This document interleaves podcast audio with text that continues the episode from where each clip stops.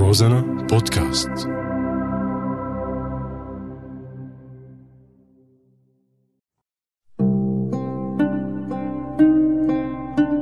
بعدك على بالي. الزلمة بيشتغل حداد عظمية. هي أول مرة بتسمع بهيك مصطلح؟ لو عندك طرف ضاع منك بغفلة حرب كنت عرفت شو بقصد. الزلمة بيرجع لك رجلك بنفس القذيفة اللي أخذتها بمنتهى الإصرار على الحياة. وبيساعدك لتعيش وتمشي على رجليك. الإنسانية بالموضوع إنه هذا الزلمة ما بياخد مصاري. تخيل في لسه حدا بهالحياة بيعطي وما بياخد. هالزلمة هيك أبو صلاح الدوماني هيك وكتار من شعبنا هيك بس ما بنعرفهم لأنه ما بيحبوا الأكشن مثلنا أو لأنه ما في عدل. تخيل لو كان في عدل.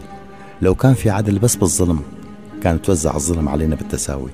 كنا بكينا قد بعض وكنا عرفنا بعض بس ما في عدل بالظلم. والظلم إنه يلي عم يشربك كاس القهر إنسان مثلك مثله. يلي راكب الطيارة والدبابة والمفخخة والحزام الناسف واللي ماسك بارودة وقنبلة واللي عم يعطي إحداثيات الهدف للمدفع والراجمة واللي عم ياخد أطرافك هو إنسان. واللي عم يعطيك أطراف هو إنسان. يلي عم يعطيك طلقة هو إنسان. واللي عم يعطيك أمان كمان إنسان.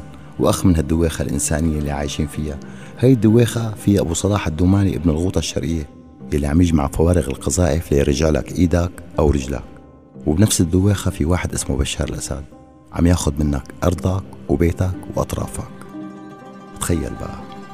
تخيل قديش بدك تعيش لحتى تستوعب هالدويخة الإنسانية.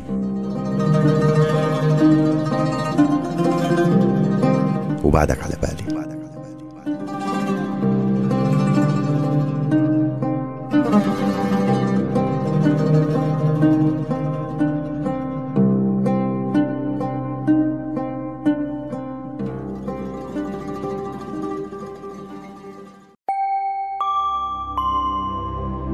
روزانا بودكاست